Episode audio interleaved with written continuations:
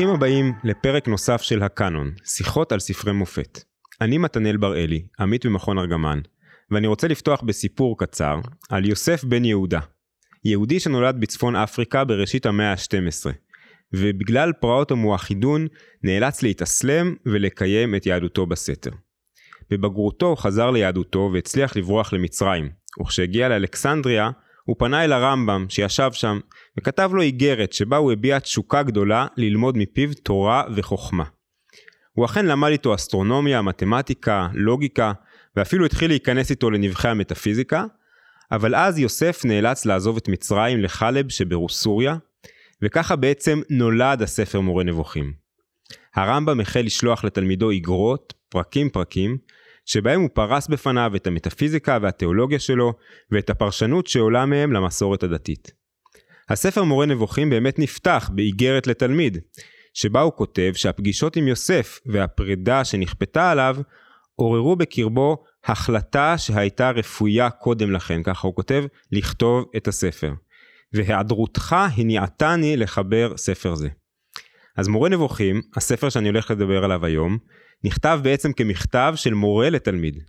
ולכן חשבתי שבשביל לדון על ספר כזה, מתאים להזמין לכאן היום מורה גדול שלי, פרופסור מנחם קלנר מהמרכז האקדמי שלם, שבו הוא משמש כראש התוכנית הבינתחומית לפילוסופיה והגות יהודית, וששם למדנו יחד את הספר מורה נבוכים. פרופסור קלנר הוא אחד מגדולי חוקרי הרמב"ם בדורנו, שפרסם כמות עצומה של ספרים ומאמרים על הרמב"ם, ויש לי את העונג לארח אותו כאן היום לשיחה על המורה נבוכים. אז שלום מנחם, ממש כיף גדול שאתה כאן. כיף יותר גדול בשבילי להיות איתך מתנאל. תודה מנחם. אז יאללה, בואו בוא נדבר קצת על הרמב"ם. גדול הפילוסופים היהודים בימי הביניים נולד ב-1138 בקורדובה שבאנדלוסיה ומשם הוא היגר עם משפחתו לצפון אפריקה בראשית שנות ה-20 לחייו בעקבות עליות, עלייתה של אותה תנועה אסלאמית רדיקלית שהזכרתי קודם שהשתלטה על צפון אפריקה ועל אנדלוסיה ובעצם הובילה לריסוק של יהדות ספרד באותה התקופה. משם הרמב"ם היגר ככל, הנקרא, ככל הנראה למרוקו והגיע לארץ ישראל גם אבל משפחתו לא מצאה שם פרנסה, ומשם הם ירדו למצרים. ואחרי שנות נדודים ורדיפות, הוא הגיע ב-1166 לפוסטת שבמצרים, שם הוא נשא אישה, ופעל עד לפטירתו ב-1204. מה שמעניין זה שבמצרים הוא הפיל יחסית מהר לעמדת הנהגה והשפעה מאוד מרכזית גם על יהודי מצרים וגם על יהודי ארץ ישראל וסוריה. הייתה לו מעורבות מאוד גבוהה בהנהגת הציבור והקהילה, בשאלות הלכתיות ובסוגיות ציבוריות שונות. כבר שש שנים אחרי שהוא הגיע למצרים הוא כבר מונה למשרת רייס אל יהוד, ראש היהודים במצרים, משרה שבעצם כללה גם סמכות שיפוטית עליונה וגם שמירה על החוק הדתי, מוסדות ציבוריים וכולי. ומעניין שהרמב"ם שהיה אז מהגר טרי יחסית, הצליח להתמנות בתקופה די קצרה למשרה אה, מאוד בכירה. ובאמת לרמב"ם יש שלוש יצירות גדולות ומרכזיות שאנחנו לא נדון בכולם היום אבל בכל זאת אה, אה, כדאי להזכיר אותם קודם כל את פירוש המשנה שבעצם פירוש שהוא כתב בשנות נדודיו התחיל לכתוב בגיל מאוד צעיר בגיל 23 וסיים לכתוב אותו בגיל 30. החיבור המונומנטלי שלו משנה תורה שזה החיבור ההלכתי שלו שאותו הוא כתב בעשור הרביעי לחייו. והחיבור מורה נבוכים שזה אולי הספר החשוב ביותר בתולדות הפילוסופיה היהודית שאותו הוא חיבר בין השנים 1186 ל-1192, בזמן שהיה רופא בארמון הסולטן בקהיר, וזה בעצם הספר שאנחנו הולכים לדבר עליו היום. אז מנחם, אני רוצה שניכנס אל הספר הזה לאט לאט, כי זה ספר שבאמת דור, דורש סבלנות ואורך רוח, כן? אה, אז אם אני חוזר רגע לסיפור שבו פתחתי את הפרק, על התלמיד של הרמב"ם, יוסף בן יהודה, שאליו נכתב הספר, אני חושב שהסיפור הזה חשוב לא רק בגלל שזה מתאים לשיחה בינינו ולא רק בשביל הדיוק ההיסטורי, אלא נראה לי שהוא מתמצת משהו מאוד עמוק בנוגע לספר הזה, או, או נוגע באיזשהו מתח מאוד מרכזי של הספר, בין הממד הגלוי והנסתר שלו, ואני אסביר למה אני מתכוון.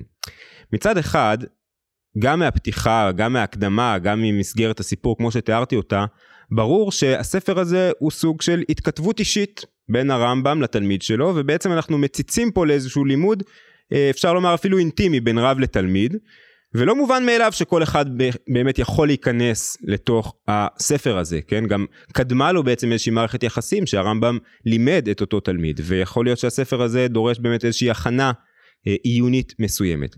אבל מצד שני הרמב"ם כן בוחר לפרסם את הפרקים פרקים האלו, את, ה, את המכתבים האלו כספר, והוא מבין שלא רק התלמיד שלו יקרא אותו. וכבר בפתיחה לספר הרמב"ם כותב, אין מטרתו של ספר זה להסביר את הכל לציבור הרחב, ולא למתחילים בעיון, וגם לא ללמד את מי שעיין רק במדע התורה בלבד, דהיינו בהלכה. כלומר, כבר בפתיחה הרמב"ם אומר, הספר הזה לא מיועד לכל אחד. אז מנחם, למי הרמב"ם כן כיוון את הספר הזה? מי קל היעד שלו? כן, זאת שאלה טובה מאוד, והיא שנויה במחלוקת כמובן, כמו כל דבר אחר ברמב"ם.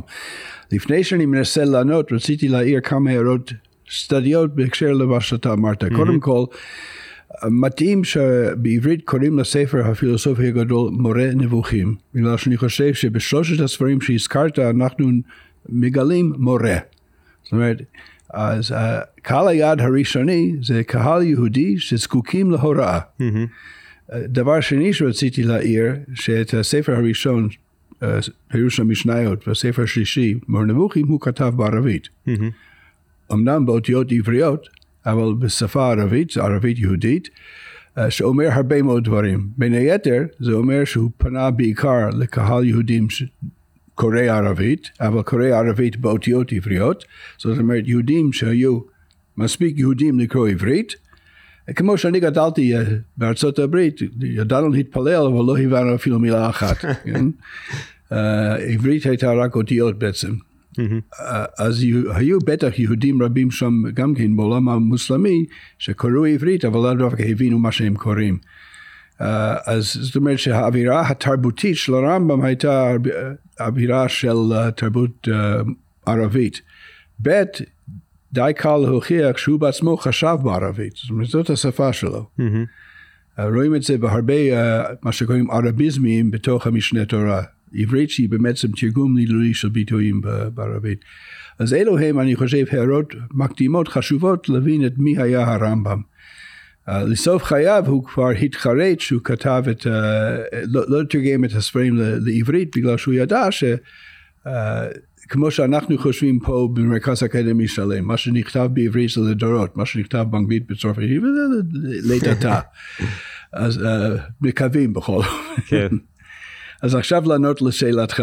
הוא בעצמו אומר לנו, uh, יהודים הולכים לבית ספר יהודי, בית ספר עממי, לומדים תורה, לומדים הלכה, לומדים איך להיות יהודי, ממשיכים לתיכון, ממשיכים לישיבה, אבל ברוב המקרים נשארים בבית ספר עממי, מבחינה רעיונית, מבחינה תפיסתית. והרמב"ם ידע את זה, אבל גם כן ידע להישאר בבית ספר עממי זה להיות, הייתי אומר, חצי יהודי. בגלל שאתה רק מגלה את, ה, את הרובד הכי נמוך של היהדות. אז הוא, הוא, הוא מכיר היטב, מאחר והוא היה um, רב קהילה אפשר לומר, הוא היה מאוד מעורה בחיי הקהילה שלו. מנהיג ציבור. מנהיג ציבור אמיתי. Mm-hmm. רואים את זה בכל המכתבים שלו והתשובות וכן הלאה. דרך אגב במאמר מוזכר, הוא לא הגיע לזה בלי בעיות. היו ממש מאבקים, חייב, מאבקים פוליטיים. מאבקים פוליטיים כמו בכל, זה, זה, זה כמובן זה קהילה יהודית, היו מאבקים רבים מאוד.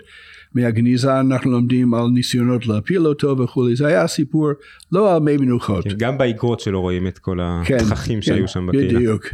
Uh, אז הוא הכיר היטב את הקהילה, אז הוא בתור מורה, הוא רצה להטיב בקהילה הזאת. אבל הוא ידע שאם הוא יגיד בדיוק מה הוא חושב, אז הקהילה לא תוכל uh, לאכול, לאכול את זה, לעכל את זה. ביטוי טוב מאוד לזה, זה ההקדמה שלו לפירוש המשניות שלו למסכת אבות. Mm-hmm. הוא הקדים למסכת אבות שמונה פרקים בעצם על תורת הנפש, והקדים לזה הקדמה קטנה מאוד.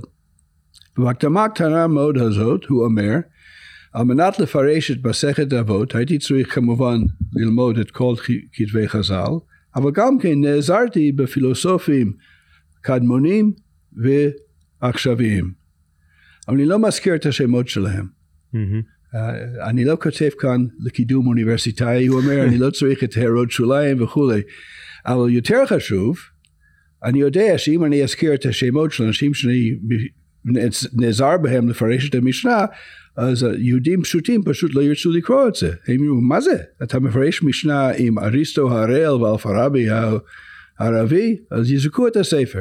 אז אני רק אומר, קבלו, קבלו את האמת ממי שאמרה בלי להזכיר מי אמר את זה. נכון, אבל המורה נבוכים בשונה מזאת, כן נפתח כן. בהצהרה, זה לא לציבור הרחב. כן. ולא למתחילים בעיון. כן ולא. זאת אומרת, הוא ידע, ברגע שהוא פרסם, הוא, הוא פרסם את הספר. מהמם, והוא דאג, דאג לפרסומו. מהמם, הוא גם כן שיתף פעולה עם התרגום לעברית של שמואל אבן תיבון. מהמם, מפרובנס. אה, כן, מפרובנס. אז הוא ידע שהספר יצא לאור גם בערבית וגם בעברית. מהמם, אז זה מסביר את הטכניקה של הספר. הוא רצה שהספר ייקרא על הרבה רמות. כמעט בכל כתביו, להבנתי, הרמב"ם פונה בו זמנית לקהלים שונים. גם יש פה, נקודת המוצא היא שיש פה כתיבה רב-ממדית, בממדים כן. שונים. בדיוק.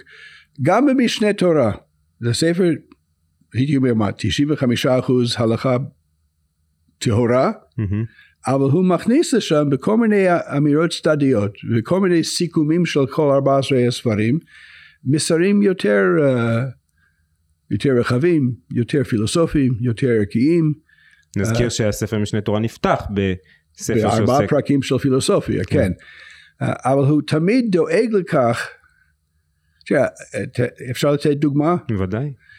במשנה תורה, בספר המדע, ספר הראשון, הלכות יסודי התורה, שזה החלק הראשון של ספר המדע, בפרק השביעי הוא דן בנבואה.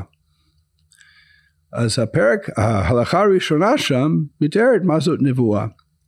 עכשיו, אדם מן השורה קורא את זה, וקורא שם הרבה מאוד ביטויים מתוך המסורת היהודית. זה נשמע לו ממש טקסט דתי, דתי מאוד.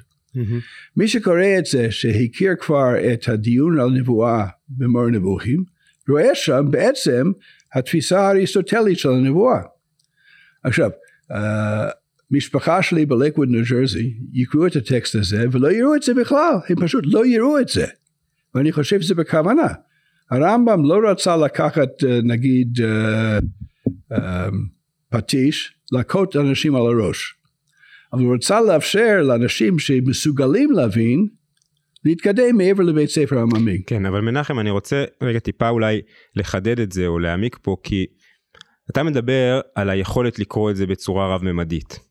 אבל הרמב"ם גם שרטט איזשהו דיוקן של um, האדם, או של המצוקה של האדם שאליו הוא פונה, של, אולי של אותו תלמיד, של יוסף בן יהודה. הוא, הוא מדבר על אדם דתי, שמצד אחד הושגה, הושגו לו אמיתות התורה, והוא אדם מאמין, ורוצה להישאר בתוך המסורת הדתית, ומצד שני הוא גם נחשף לתרבות הכללית, הערבית בהקשר הזה, ולהישגים הפילוסופיים בני אותה תקופה, ומוצא איזושהי סתירה, מתח, אה, בין שני העולמות הללו. ועכשיו האדם הזה הוא הנבוך, בסדר? הוא, הוא התלמיד שנתון בין שני עולמות, והרמב"ם מכוון את, ה, את הדברים שלו, נראה לי בעיקר, לסוג כזה של מבוכה. כלומר, מורה נבוכים הוא, הוא קודם כל מורה לנבוך מסוים. נכון? אז אתה יכול אולי לתאר קצת באמת את אותה מבוכה? זה אה, קל מאוד לתאר אותו בגלל שאתה ואני סובלים מאותו המבוכה. בהקשרים אחרים, אבל uh, אדם שחי בתוך המודרנה שלנו נתקל במדע, בהיסטוריה, במחקרי ספרות, שמאתגרים את מה שלמדנו בבית ספר. מה. שלמדנו בישיבה, מה שלמדנו במסורת היהודית. אם זה סיפור בריאת העולם, אם זה סיפור, uh, סיפורי היסטוריה שפשוט לא, לא מחזיקים מים מבחינה היסטורית. אם, uh, ויש לנו גם כן בעיות מוסריות מאוד שהרמב"ם לא נכנס לזה, הוא פחות מאותגר במוסר המקראי מאנחנו. כן. אבל אנחנו נבוכים. אז המבוכה הביניימית, אני חושב היא הייתה פחות חריפה, אבל היא הייתה מבוכה אמיתית, כפי שאתה אומר את זה. מהמם, אבל הרמב"ם היה בעיה, הוא רוצה לעזור לנבוך, אבל לא לגרום לאחר שהוא לא נבוך, להיות נבוך. uh, פעם אחי אמר לי, ש... לא, סיפרתי לאחי ששמעתי שמור נבוכים זה כמו פרה אדומה.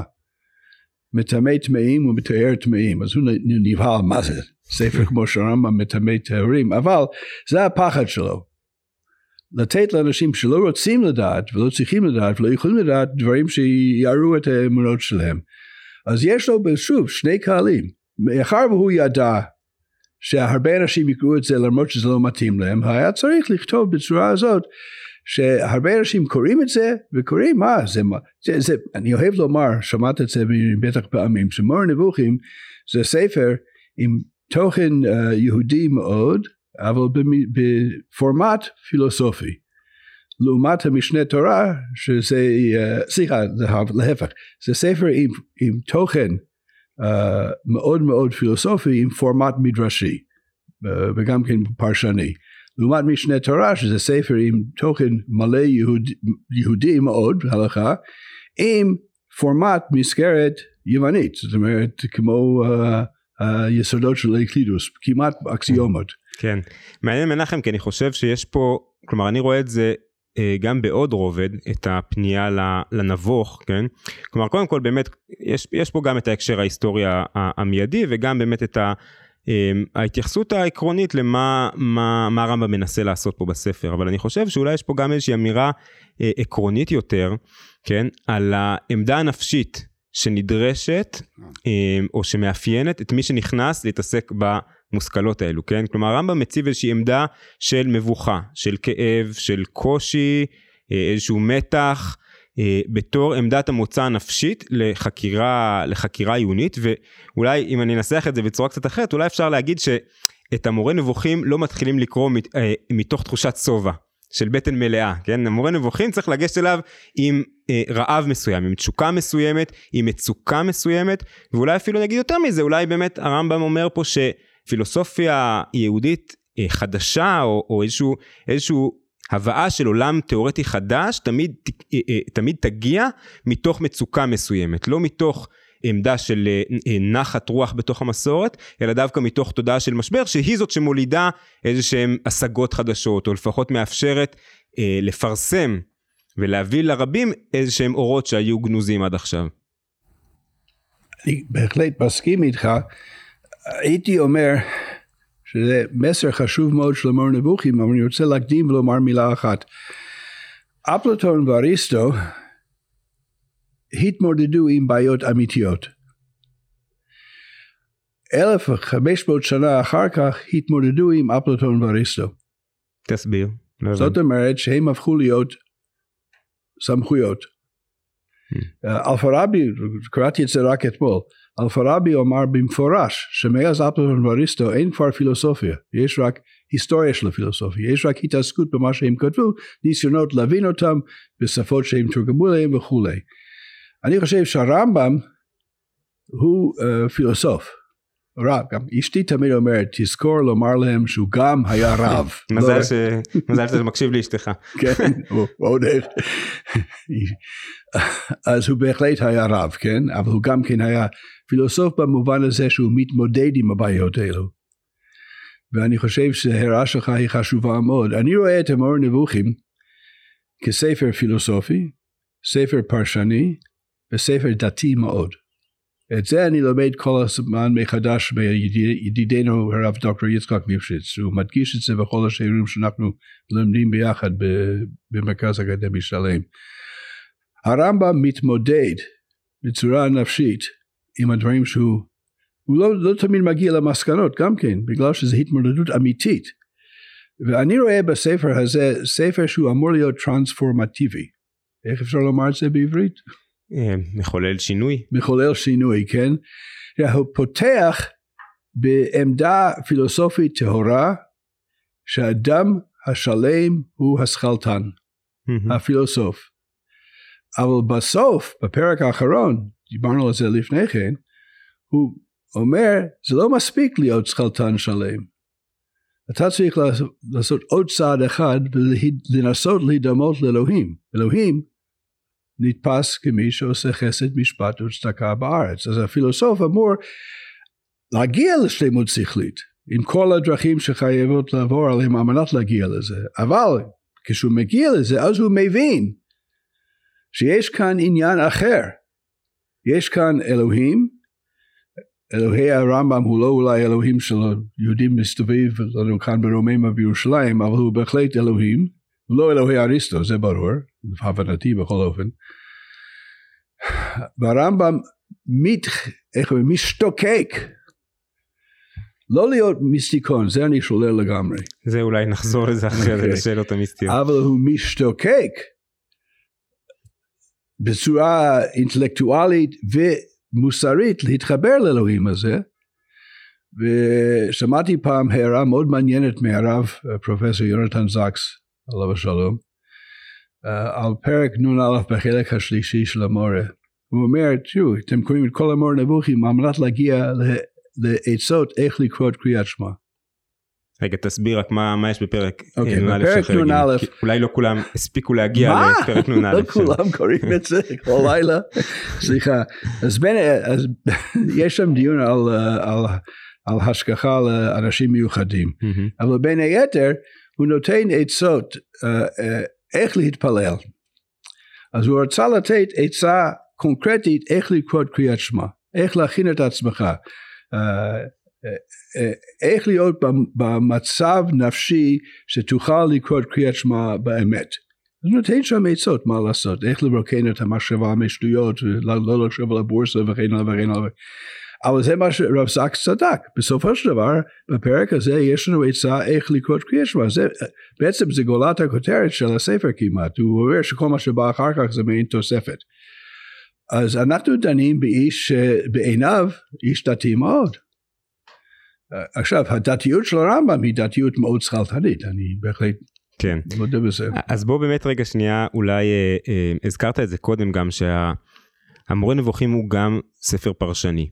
מאוד. וזה מאוד חשוב, כי קודם כל איך שהרמב"ם מציג את הספר בהקדמה, הוא אומר שהמטרה שלו היא לפרש את אה, אה, אה, כתבי הקודש, אה, ו, אה, ובאמת חלק מאוד מרכזי מהחלק הראשון של הספר, הוא ספר פרשני במובן הזה שהוא לוקח ביטויים במקרא ומפרש מה המשמעות שלהם. עכשיו מה המוטיבציה של הרמב"ם בפרשנות הזאת? הרמב"ם בעצם אה, אה, טוען שכמו שאמרת שהספר מורה נבוכים בנוי מרבדים שונים אז גם אה, התנ"ך ולא רק התנ"ך בנוי מרבדים שונים ויש איזשהו ממד גלוי שזה מה שכולם קוראים וככה מבינים במבט ראשון או בקריאה ראשונה אבל יש לטקסט הזה גם ממד נסתר שהוא לא גלוי לכל מי שקורא אותו במבט ראשון ובעצם הרמב"ם בא לגלות, לחשוף, לפרש את המשמעות העמוקה שטמונה בהם. וזה קשור לאותה מבוכה שדיברנו קודם בגלל שאחת התמורות שהרמב"ם הכי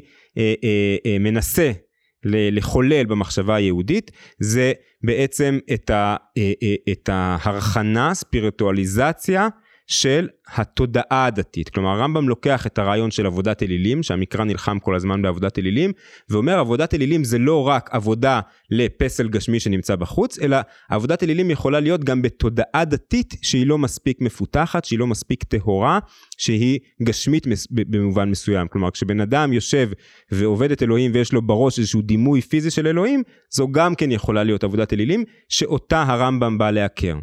וכמובן שאחד הדברים, ה- ה- המחסומים הראשונים שהרמב"ם נתקל בהם זה שהמקרא כולו מלא בתיאורים אה, לכאורה ממשיים, גשמיים של אלוהים. ובאמת הרמב"ם לוקח ביטוי אחר ביטוי ומנסה לה, להעניק לו משמעות אה, מופשטת יותר, כן? למשל אם כתוב על אל- שאלוהים ראה או הביט על משהו, אז הרמב"ם אומר ברור שהכוונה היא לא שלאלוהים יש עין או איבר אחר שהוא יכול לראות באמצעותו ולכן הוא צריך להסביר שהכוונה היא שאלוהים אה, הבין משהו, תפס משהו, השיג אותו בצורה שכלית ובעצם ככה הוא לוקח את השפה הדתית השגורה קודם כל מהמקרא ואחרי זה גם בכתבי חז"ל ומנסה לפרש אותה ובמובן מסוים אני אגיד אפילו יותר מזה הוא קצת מנסה להתעלות מעל השפה הדתית. כלומר נראים בכמה מקומות במור- במורה נבוכים שהרמב"ם סבור שהמעלה הדתית העליונה היא לא רק לדבר בצורה נכונה, היא אולי אפילו לשתוק.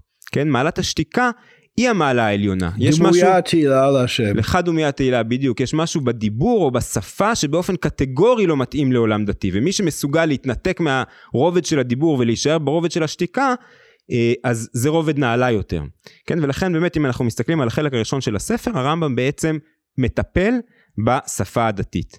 ופה אני רוצה לשאול אותך, אתה אמרת שאתה לא מחבב את הקריאות המיסטיות ברמב"ם, אבל בכל זאת אני רוצה לשאול, כי הזכרת גם את הפרקים האחרונים בסוף המורה, כי עולה השאלה מה קורה בדומ, בדומייה הזאת, בשתיקה הזאת, כן? האם באמת השתיקה הזאת זה מקום שבו השתחררנו מהשפה, אבל האדם עדיין נשאר באיזושהי עמדה ספקנית כלפי המציאות, כלפי אלוהים, כלומר אין לנו יכולת לחרוג אה, מהרובד הזה ובעצם אנחנו נשארים בשתיקה כי אין לנו מה לומר, או שיש פה איזשהו פתח באמת לעמדה מיסטית שמגלמת אה, אפשרויות אחרות שהן לא מושגיות, שהן לא באמצעות השפה, להכיר את אלוהים, כן? אחרי שהאדם טיהר באמצעות הפילוסופיה את התודעה השגורה שלו ואת השפה שלו, בעצם ככה נפתחת בפניו הדרך לאיזושהי הכרה מיסטית של אלוהים. אז יש קריאות כאלו במורה נבוכים, אני שומע שאתה לא אוהב אותם, אבל אולי בכל זאת, אה, איך אתה מבין את השתיקה הזאת? יש הרבה קריאות כאלו. גם בימי הביניים נגיד של אברהם אבולעפיה, ושל אנשים היום חלק רציניים, חלק הרבה פחות רציניים. אבל uh, אני רוצה להבחין בין מיסטיקה בתור חוויה של התחברות, אוניו-מיסטיקה, איזשהו התמזגות, התאחדות, התאחדות, לבין מה שאתה אמרת, הכרה. לי נראה שמי שחושב שהרמב"ם מתקרב להתאחדות עם אלוהים, uh, התמזגות עם אלוהים, כל הדברים שמיסטיקונים רוצים להגיע אליהם. אני אוהב להסביר לתלמידים שדרך טובה להבין מה זה מיסטיקה במובן הזה, זה הפסוק מתהילים, טעמו וראו כי טוב השם. טעם זה החוש הכי אינטימי. גם בפנים, אבל גם כן זה, אי אפשר להטות אותו. אם זה מלוך זה מלוך, אם זה מתוק זה מתוק, אם אתה בריא אז אין, זה, לא, לא הולכים לאיבוד בזה. כל, אני מסתכל עליך, אבל אם הייתי מרכיב משקפיים הייתי מסתכל יותר טוב. אז uh, זה, זה בעיניי זה המטרה של המיסטיקון ששואף לטעום את אלוהים. עכשיו אלוהי הרמב"ם הוא כל כך טרנסצנדנטי, כל כך אחר, כל כך מעל לרגשות, מעל לצורך בשום דבר. מצוות צורך גבוה זה היה משגע את הרמב"ם נותן לו כאב בטן המשפט הזה. אז במובן הזה אני בטוח שהוא לא מיסטיקון. אבל אתה צודק בזה שהרמב"ם רואה שאדם מגיעים להכרה שכלתנית ומבינים שיש עוד מה לנסות להבין אם לאו דווקא לחוות.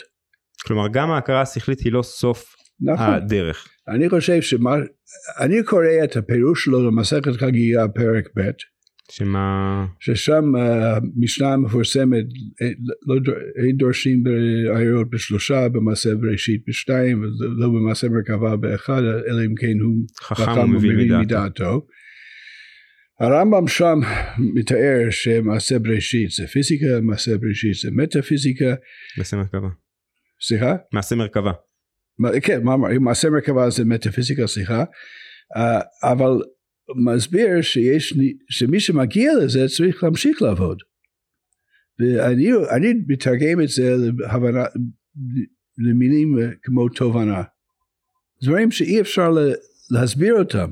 הוא בעצמו אומר, מה זאת אומרת שמדברים עם אדם מיוחד שהוא חכם מבין מדעתו? אתה לא יכול ללמד אותו. יש דברים שפשוט אי אפשר להעביר אותם בצורה מסודרת. אדם או שהוא תופס או לא תופס. אז זה כבר מעבר לפילוסופיה נורמלית. זה מעבר לשיעור באוניברסיטה, כן? זה או שתפסת או לא תפסת. אז אני רואה שם אם אתה רוצה לקרוא לזה מיסטיקה, תפאדל, אני בסדר, אבל אם אתה רוצה מעבר לזה, אז אני אתווכח איתך. כן, בכל אופן ההכרה השכלית היא לא ממצה את ה... את ה אה, לא, לא את התוכן וגם לא את העבודה הדתית אפילו הייתי אומר של, נכון. של האדם. אם היא הייתה ממצה אז כל פילוסוף היה אה, איש דתי. Mm-hmm. אבל רובם לא היו אנשים דתיים. כן, חלקם כן. כן. אז מנחם, אני רוצה רגע ש, שאולי ניכנס קצת יותר אל תוך הספר עצמו. אה, והחלק המרכזי של הספר עוסק אה, בשאלה העקרונית והיסודית ביותר של הפילוסופיה היהודית בימי הביניים, אולי הפילוסופיה הדתית בימי הביניים, הנושא של אה, שאלת קדמות העולם, כן? האם העולם נברא או שהעולם קדום, תמיד היה ללא שום נקודת ראשית שממנה הוא התחיל להשתלשל.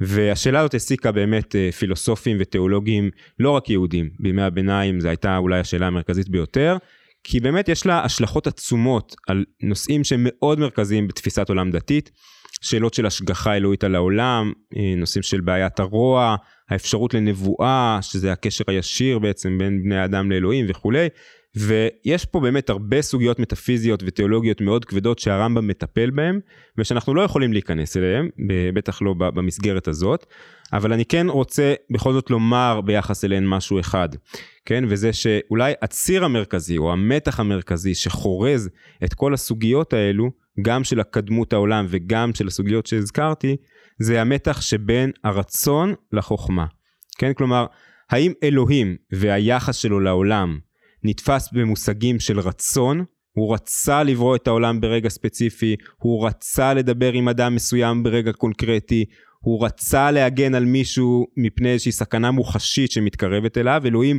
הוא כל יכול ויכול לממש את רצונו, וזה מה שהופך אותו לכל כך מושלם.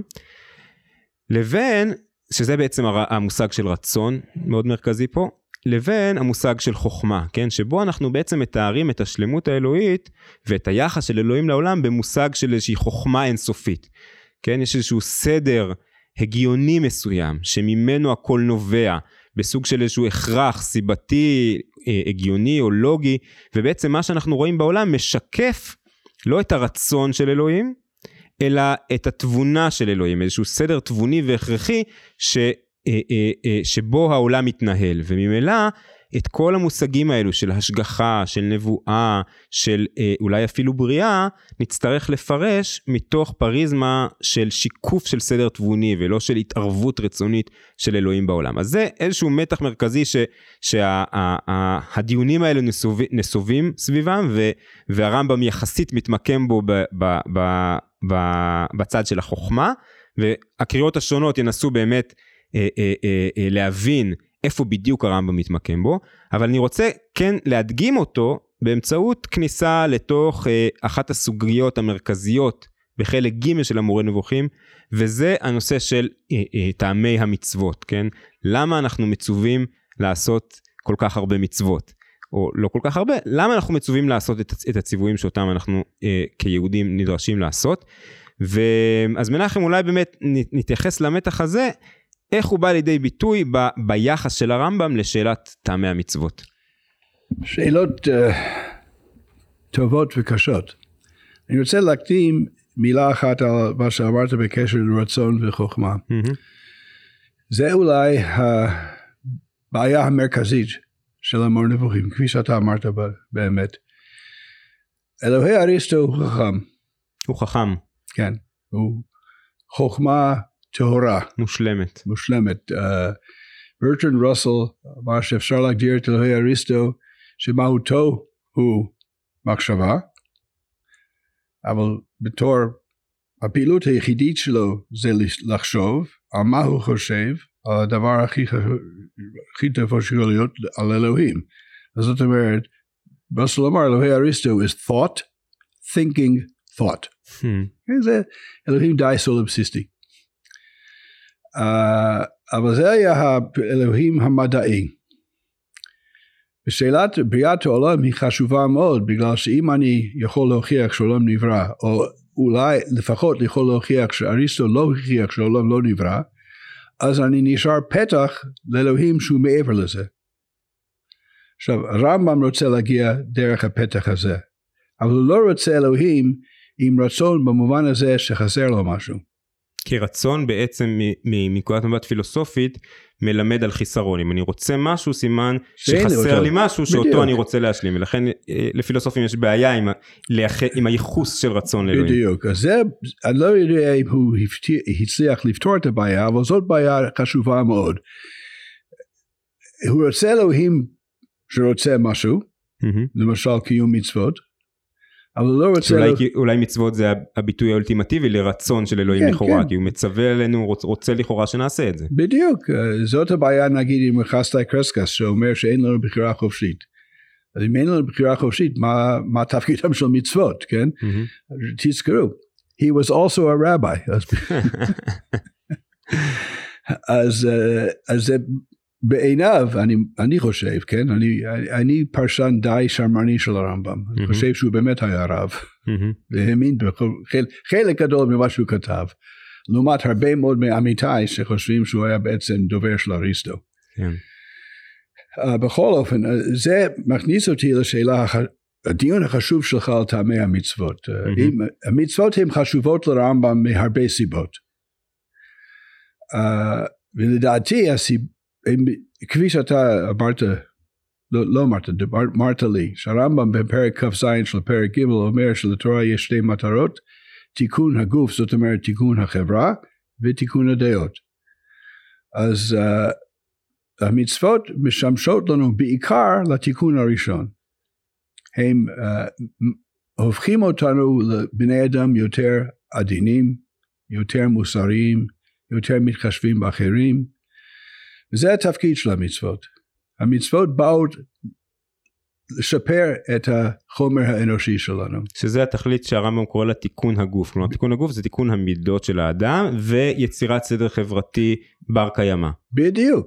ברגע שאני מסודר מוסרית, אז החברה שלי תהיה מסודרת מוסרית. מהמם. אז זה חלק גדול מתפקידם של המצוות. זה uh, לבנות אישיות חדשה. מהמם. זאת אומרת, אדם שמקיים מצוות, הוא שונא את זה, הוא דיבר על זה בפירוש המשניות שלו. אדם שאומר, uh, אני משתוקק לאכול חזיר, אבל לא עושה זאת בגלל שזה אסור. לא, הוא רוצה אדם, או שאני משתוקק להרוג את השכן שלי, עדיף אה, דוגמה שהוא מביא, אבל אני לא עושה זאת בגלל שזה אסור. זה לא אדם טוב בעיני הרמב"ם, הוא רוצה אדם שלא משתוקק להרוג את השכן. אז המצוות, זה עוש- התכלית הראשונה של המצוות. בדיוק, לעדן אותנו, להפוך אותנו למשהו אחר. התכלית השנייה קראת לה או הרמב"ם קורא לה יותר נכון אה, תיקון הנפש. כן, ששם המצוות גם כן, א', מאפשרות לנו להגיע לזה. פילוסוף, שהרמב"ם היה אפלטוניסט במובן הזה שהוא חשב ששלמות זה דבר שלם. אז אדם בלתי מוסרי לא יהיה פילוסוף. בעיניו הוא לא, אפילו בחלום להות הכי קשה שלו לא דמיין מרטין היידגר, נאצי ופילוסוף. אז על מנת שנתקדם להיות פילוסופים צריכים לעבור את השלב הזה. על מנת שנחיה בחברה שמאפשרת פילוסופים לחיות צריכים לעבור את השלב הזה. על מנת שאנחנו נהיה יותר טובים לשכנים ולעצמנו צריכים לעבור את השלב הזה. אבל השלב הזה מאפשר לנו uh, להגיע ל- לשמות שכלית וכן הלאה, כן, על מה שדיברנו קודם. אז זה התפקיד של המצוות. כן, אז זה אומר בעצם שהרמב"ם אומר שאת המצוות אפשר לייחס לאחת משתי המטרות או לתיקון הגוף כלומר אה, אה, תיקון המידות של האדם והחברה או לתיקון הנפש שזה ליצירת אה, דעות נכונות יותר. אבל ברור שהרמב"ם אה, אה, נתקע במה שכל פילוסוף יהודי ואפילו עוד לפני הפילוסופיה היהודית אה, אה, נתקעו איתו וזה מה שנקרא החוקים שבתורה כן, כן. כלומר יש איזושהי קטגוריה של מצוות שהן לכאורה לא נכנסות לא אה, לנושא של תיקון המידות לא לנושא של תיקון החברה ולא לנושא של תיקון הדעות הנכונות אלא על פניו אלו מצוות שאין להם טעם כן אנחנו לא אה, אה, נחשוב למשל על אה, איסור שעטנז אסור ללבוש בגד שעשוי מצמר ופשתים או איסור כלאיים אסור אה, אה, לחרוש בשור ובחמור יחדיו אלו מצוות שעל פניו לא נכנסות לקטגוריה הזאת ו- ו- ופה ביחס למצוות האלה טמון איזשהו אה, תמונה אמירה מאוד רדיקלית של הרמב"ם. בהחלט, אבל פחות רדיקלית ממה שחושבים בהקשר הספציפי הזה, אבל התמונה הכללית היא מאוד רדיקלית. אז בוא תתאר לנו אני אותה. אנסה להסביר. לעניין החוקים, למדתי מתלמיד שלי בשם עודד הורצקי, שבעוונותיו הרבים תקוע בגרמניה עכשיו כמה שנים, שההסבר של הרמב"ם לנושא החוקים זה המהפכה הקופרניקאית שלו. מהמם. זה ממש חידוש בכל ההיסטוריה של טעמי המצוות. הרמב"ם מסביר הרבה מאוד מצוות בהקשרם ההיסטורי. כלומר, כלומר, חסידי, כהני עבוד, עבודה זרה, בזמנו של אברהם אבינו, הצבעים המפורסמים, לחלק מהשומעים, דווקא לבשו שעטנז. אז על מנת להרחיק את, היו, את אברהם וצאצאיו לימים היהודים מעבודה זרה, אסר על היהודים ללבוש שטנז. זאת אומרת, זה הסבר של מציאות היסטורית. אני אוהב לומר שאם כהני עבודה זרה בזמן ההוא לבשו פוליאסטר, אז היהודים היום היה אסור ללבוש פוליאסטר. Mm-hmm. אז כמעט כל החוקים שאי אפשר להבין אותם, הרמב"ם מסביר על רקע ההיסטורי שלהם. והוא אומר שהוא הלך וקרא וחקר כן. את אותם ספרים כדי להכיר את המנהגים שלהם. בדיוק, הוא קרא את ספר החקלאות הנבטית, הוא אומר, וספר טומטום, והרבה מאוד ספרים. הוא אפילו אומר שלא נתקלתי בספר על עבודה זרה שלא קראתי. אז שואלים אותו, אבל אתה בעצמך כותב בשתי תורה, אסור לקרוא. אז אנשים אחרים מטפלים בזה. אז, אבל כאן יש לנו כאן את הנקודה המאוד מאוד מאוד מאוד רגישה ליהודים דתיים נורמליים. מהמם. עולה מזה, כפי שאמרתי, אם כהני עבודה זרה היו לובשים, אם לא פוליאסטר משהו אחר, כן, משהו מתאים לזמן, המצווה הייתה אחרת. ית- יתרה מזו מנחם, עולה מזה ערעור על הרעיון של נצחיות התורה. אז על זה מתחבטים הרבה מאוד אנשים. אין לזה תשובה פשוטה, אני אנסה לתת תשובה קטנה, אבל קודם כל אני רוצה לשאול אותך שאלה. בוא נגיד מתנאל, שאתה נוהג בכביש שומם בנגב, שתיים לפנות בוקר ביום הכיפורים. מנחם אני משפטן וזה מוקלט אני מעדיף לא לא להתייחס לשאלה. אתה מגיע לתמרור עצור, יש לך GPS שאומר לך שאין עוד רכב ב-100 קילומטרים. אתה עוצר? לא, אתה ישראלי, אתה שים גז. הרמב"ם היה עוצר. מה שאני רוצה לומר שהרמב"ם היה איש שקידם את המערכת, כיבד את המערכת. אדם שראה בהלכה שיטה, all or nothing. אם אתה מתחיל לשחק עם פרטים אז הכל קורס. אז מאחר והוא ראה בשיטה הלכתית דבר חשוב מאוד, דבר בונה מאוד, דבר שכמובן אפשר אחרת באופן עקרוני. אריסטו בעיניו הגיע לסף הנבואה בלי הלכה, בלי מצוות. אבל זה נדיר. כלומר לסף, לסף העמדה הכי גבוהה שאפשר להגיע ל- ללא קיום מצוות. בדיוק. לאן הגיע, הגיע אריסטו? אברהם אומר את זה במפורש במכתב המפורסם שלו לשמואל בן תיבון. אז זאת אומרת, באופן עקרוני המצוות הם כלי. אני לא רוצה לומר רק כלי, בגלל שהם כלי חשוב מאוד. אז uh, צריכים להבין את, ה, את הרקע הזה לכל הסיפור שלנו, וזה עוזר לנו קצת להבין למה הרמב"ם חשב שאי אפשר לוותר על המצוות, אפילו שאנחנו יודעים את הרקע ההיסטורי, בגלל שהם עדיין בונים uh, בני אדם טובים וחברה מסודרת, והוא אפילו אומר דבר מאוד מאוד יוצא דופן,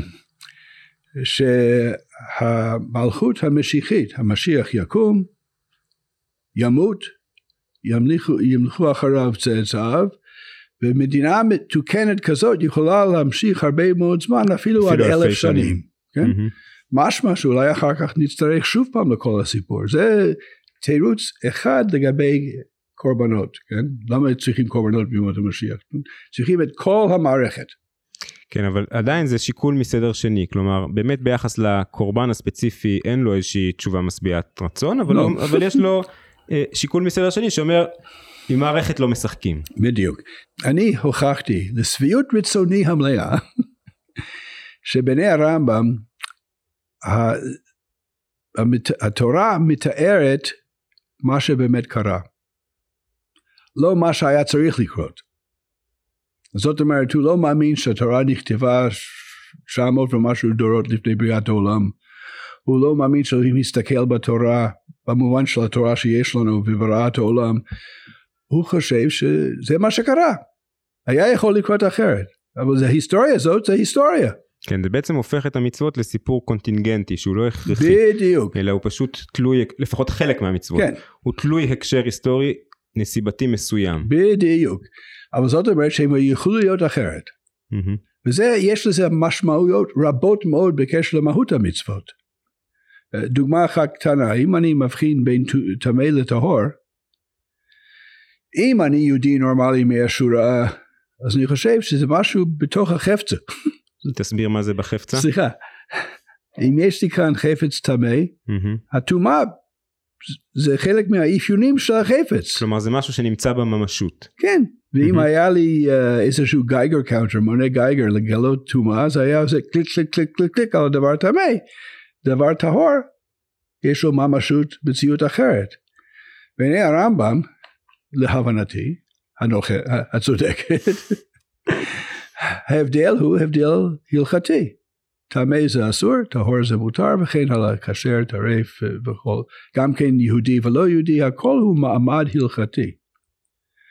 אז זה מהפכה גדולה מאוד, שלא כל יהודי יכול לסבול אותו, תאמין לי, אני נתקל בזה הרבה מאוד, אבל למה אתה אומר שלשביעות רצונך, למה אתה מאוד אוהב את המהפכה הזאת? בגלל שהיא נכונה.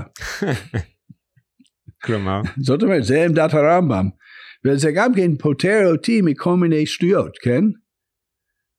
אה, אנשים מפחדים מטומאה. הרמב"ם אומר מפורש, אין מה לפחד. ידידי ותלמידי לשעבר יוחאי מקבילי, המוציא לאור של הרבה מהדורות מצוינות של משנה תורה, המוציא לאור של שלושה כרכים של אמור נבוכים במהדורה שלו עם תרגום של הילה גרשוני ועם פרשנות של יוחאי וחבריו. הוא עכשיו כתב ספר חדש מאוד, אה, טומאה טהרה, וטהרה בתודעת הרמב"ם. תודעה, כן, נכון. אז הוא מראה שם פעם אחר פעם אחר פעם, ממש, יש לו דיון הלכתי שם, לא סתם פילוסופי כמו אצלי, כן? שהרמב"ם באמת אומר, אין מה לפחד מטומאה. זה בא ללמד אותנו דברים, בא לעזור לנו להת, להת, להתרחק מדברים רעים, אבל זה לא דבר, אין לזה, אין לזה סכנה. כן. זה משגע אותי. אני רואה כל פסח אנשים כותבים שכנראה אין להם כבוד לספרדים, כתוב אין חשש לקטניות. מה זה חשש, כן? או שיש או אין, אבל זה אומר שיש משהו שלילי בקטניות שאני חושש מהם. אז זה לא, זה לא יהדות בעיניי, וזה לא, אני בטוח, יוחאי צודק ואני צודק, שנינו צודקים. גם הקודש ברוך הוא צודק. זה לא יהדות אמיתית. זה לא אף- יהדות על אף שחשש יכול להיות לא רק מהדבר עצמו, אלא גם מהאיסור ההלכתי. כלומר, גם... בסדר, אם אני חושש לעבור עבירה בסדר, אבל אם אני חושש מעצם הדבר, אז אני כבר עברתי כן. לעולמות, לעולמות של מגיה בעיניי. כן. טוב, עולמות של מגיה זה באמת כבר גבול אדום שצריך לעצור בו ולסיים את החלק הראשון של השיחה. אז תודה רבה לפרופסור קלנר שהסכים לבוא ולהתארח אצלי. תודה לכם המאזינים שהייתם איתנו עד עכשיו. הפרק זמין להאזנה בכל אפליקציות ההסכתים המובילות, ולתכנים נוספים של מכון ארגמן אתם יותר ממוזמנים להיכנס לאתר הקורסים המקוונים של המכון. נתראה בפרק הבא.